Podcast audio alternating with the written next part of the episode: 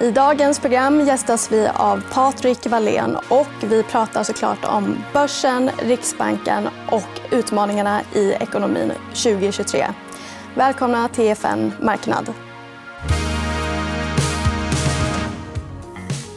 Ja, då säger vi välkommen till Patrik Wallén, grundare och styrelseordförande i Volati. Välkommen. Tack så mycket. Kul att vara här. Ja. Det var ganska exakt två år sedan som du var här senast.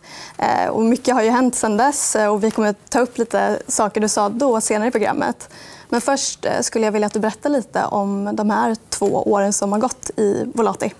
Ja, det har varit två oerhört händelserika år, såklart. Med slutet på covid och ny, sen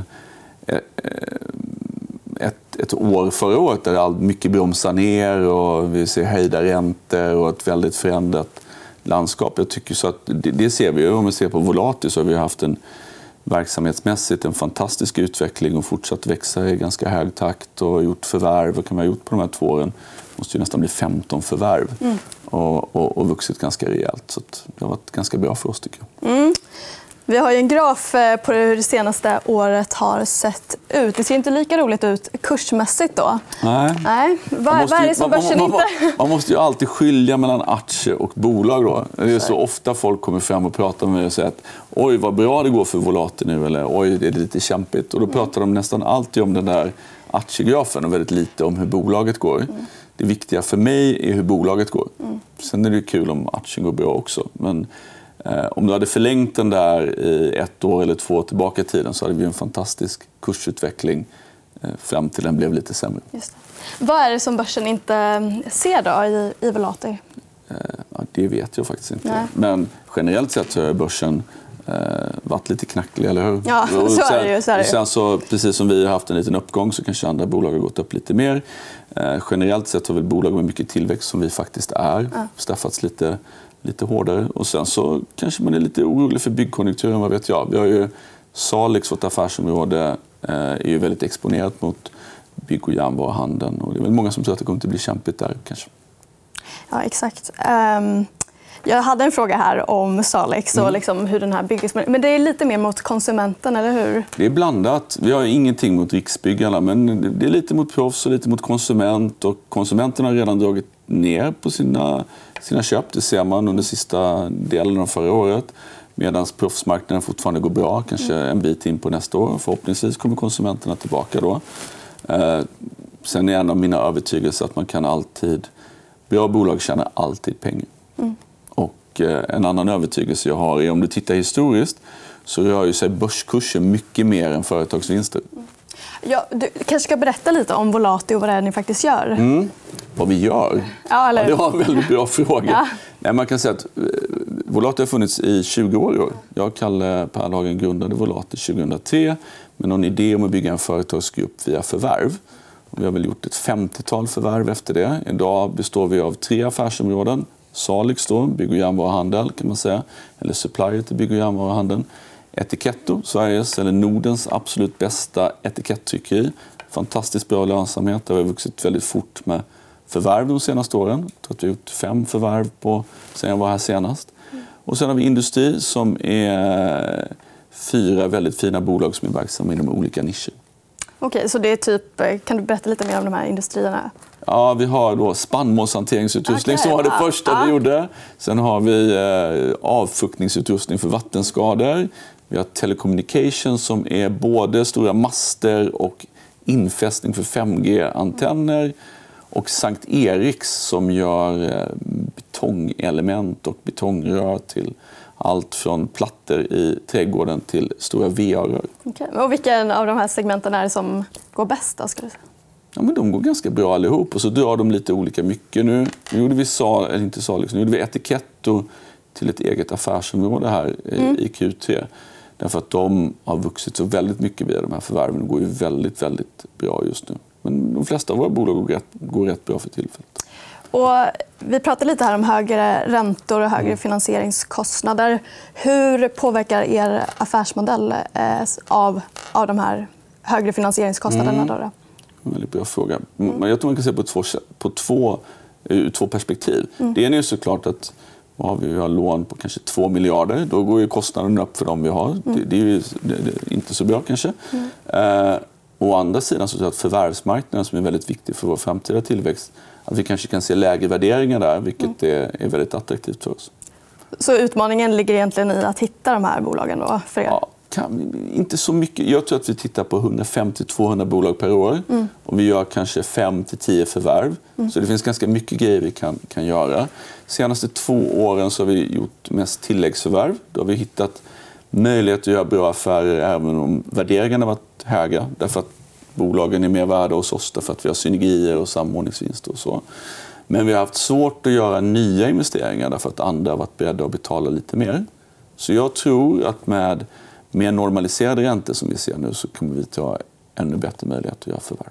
Och hur liksom, stor förvärvs, eh, stort förvärvsutrymme har ni i, i bolaget? Ja, det där är ju lite över en miljard i alla fall. Sen kan man alltid fundera på vilka antaganden man gör. och så. Vi har en ganska låg nettoskuldsättning. Vi hade 2,2 i utgången av Q3 och normalt sett så har vi starka kassaflöden i Q4. Eh, så att, och, och vårt mål är att ha en skuldsättning mellan 2 och 3.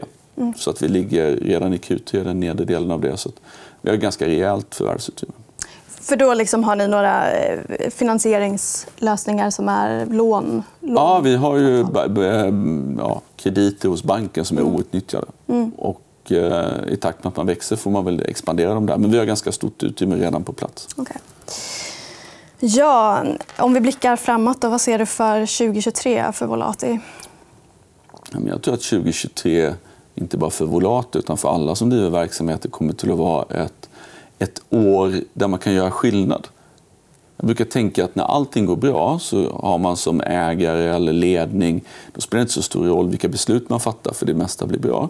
När det blir lite kämpigare tider som jag tror att vi alla ser att vi har framför oss så kan man fundera på riktigt hur kämpiga. Då blir det oerhört viktigt vilka beslut man fattar. Och jag tror att vi är i ett sånt läge nu när man faktiskt kan göra skillnad genom att fatta rätt beslut och genom att vara eh, fokuserad på långsiktigt värdeskapande, titta längre fram i tiden, ha en balansräkning som möjliggör det, ha en ägarkrets som möjliggör det, så tror jag att det, finns, att det kommer att vara ett jättespännande år. Är det några sektorer liksom du ser som extra attraktiva nu då, inför en sån långsiktig plan? Ja, men jag tror att man, det där är en fråga man ofta får. Mm. Och jag tänker att man ska inte titta för mycket på det som händer eh, under nästa år. Utan köper man bolag så ska man nog fundera på vad som händer på 10 och 20 år. och så där. Och då har ju inte den här lågkonjunkturen ändrat något. För den har väl varit den lågkonjunktur som, de, som, som, som alla har förväntat sig ganska ja. länge. Liksom. Så det är väl bara ett litet tack i kurvan. Tänker och även om vi inte pratar om liksom, eh, investeringsteman i mm. stort, mm. är det något liksom, nyckeltal eller något särskilt, någon särskild kvalitet i bolagen som du tittar särskilt efter? Ja, absolut. Uh, return on capital employed är väldigt... För mig så är det väldigt viktigt att bolag har bra avkastning på det investerade kapitalet. Dels för att det är bra i sig. Det är ungefär som att stoppa in pengar på banken. Det är bättre att få lite högre ränta än lite lägre. Mm. Och så är det i, i bolag.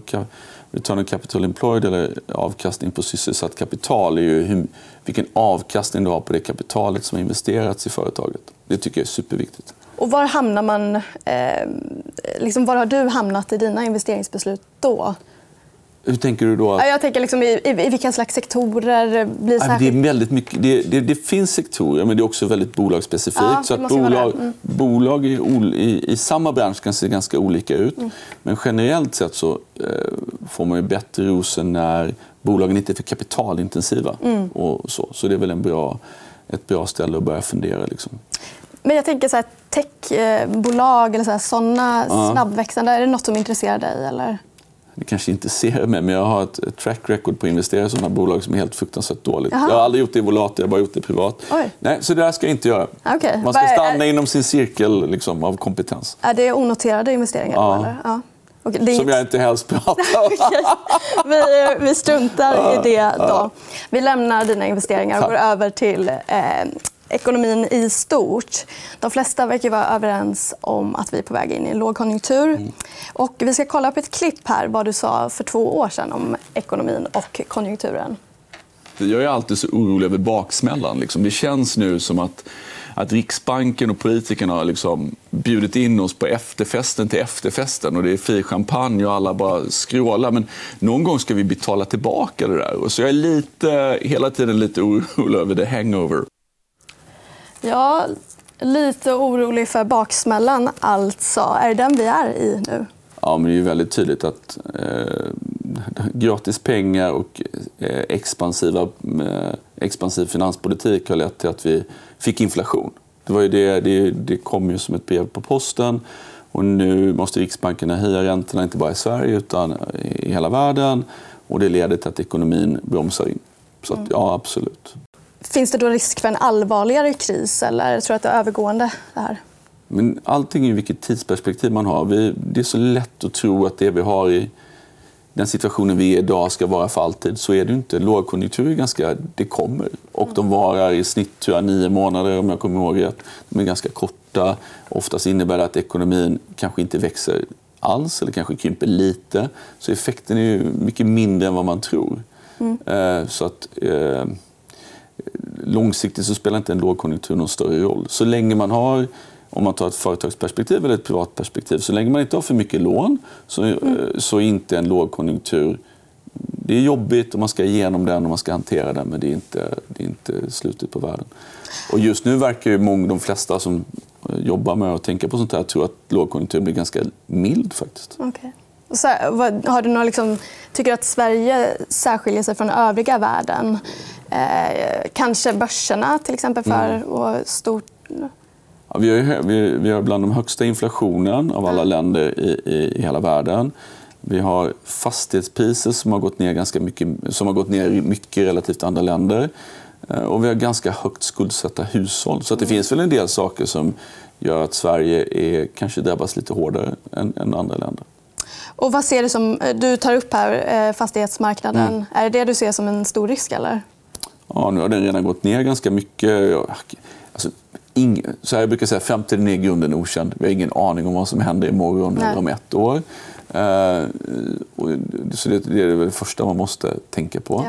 Ja. Uh, och sen har ju fastighetspriserna gått ner ganska mycket. De kan säkert gå ner en del till. Men å andra sidan så har ju fastighetsbolagen på börsen studsat upp. Och börsen brukar vara rätt bra på att bedöma vad som ska, mm. vad som ska hända också.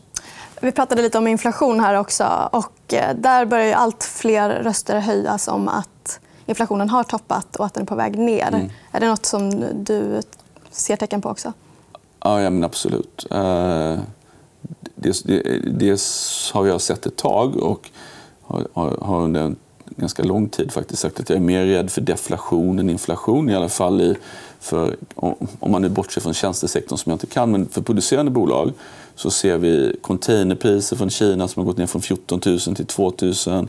Vi ser fallande råvarupriser. Och så kombinerar vi det med att konsumenten verkar hålla lite i plånboken så att efterfrågan eh, faller och ganska höga lager hos företag. Det där för mig låter inte som en prishöjarekonomi. För mig låter det som en prissänkarekonomi. Ja, och, men, och jag tänker det när du tar upp att lågkonjunkturen kanske alltså, den skulle vara mildare än vanligt. Det där mm. låter inte alls eh, roligt. Nej, men ganska kortvarigt också kanske. Ja, vi har ju i alla fall ett tronskifte på Riksbanken där den nya chefen eh, kommer verkligen få ta tag i med mm. hårdhandskarna, känns det som. Vad tycker du är Erik Thedéens största eh, utmaning i hans nya jobb?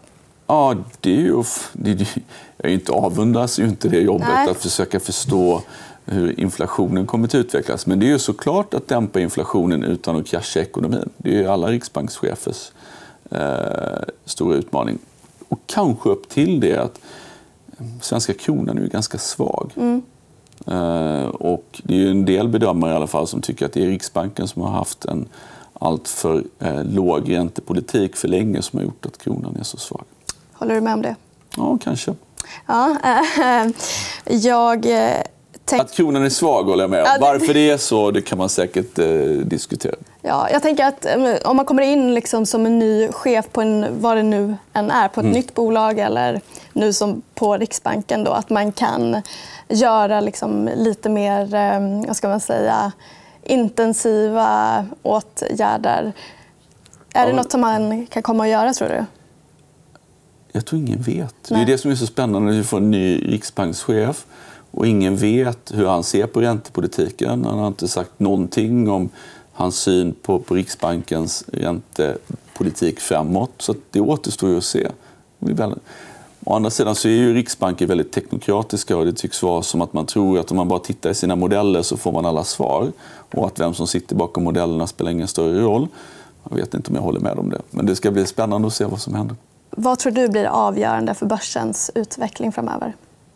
Ja, men det som alltid är avgörande för börsens utveckling är egentligen två saker. Bolagens vinst och psykologi. Och psykologi är alltid det som spelar roll på, på, på kort sikt. Så det är ju hur, hur, mår, hur mår investeraren? Det är ju, Mr Market is moody, brukar man ju säga. Så att om, om, nu har investerarna fått tillbaka mycket självförtroende, börsen har handlats upp. Men bolagsvinsterna har inte rört sig någonting. Och, eh, om, om vi får en lågkonjunktur så har inte det börjat synas i siffrorna alls än. Nej. Ja, det blir spännande att se. Ehm, det får bli de avslutande orden för dagens program. Tack för att du kom hit. Tack för att jag fick vara här. Tack. Ja, det var allt vi hade för dagens EFN Marknad. Glöm inte att följa oss på Twitter och på vårt Instagramkonto. Där heter vi EFN Aktiekoll. Nästa vecka är vi tillbaka med ett nytt program. Kolla då. Ha det bra. Du har lyssnat på EFN Marknad, en podd av EFN Ekonomikanalen. Mer om ekonomi och aktier finns på efn.se.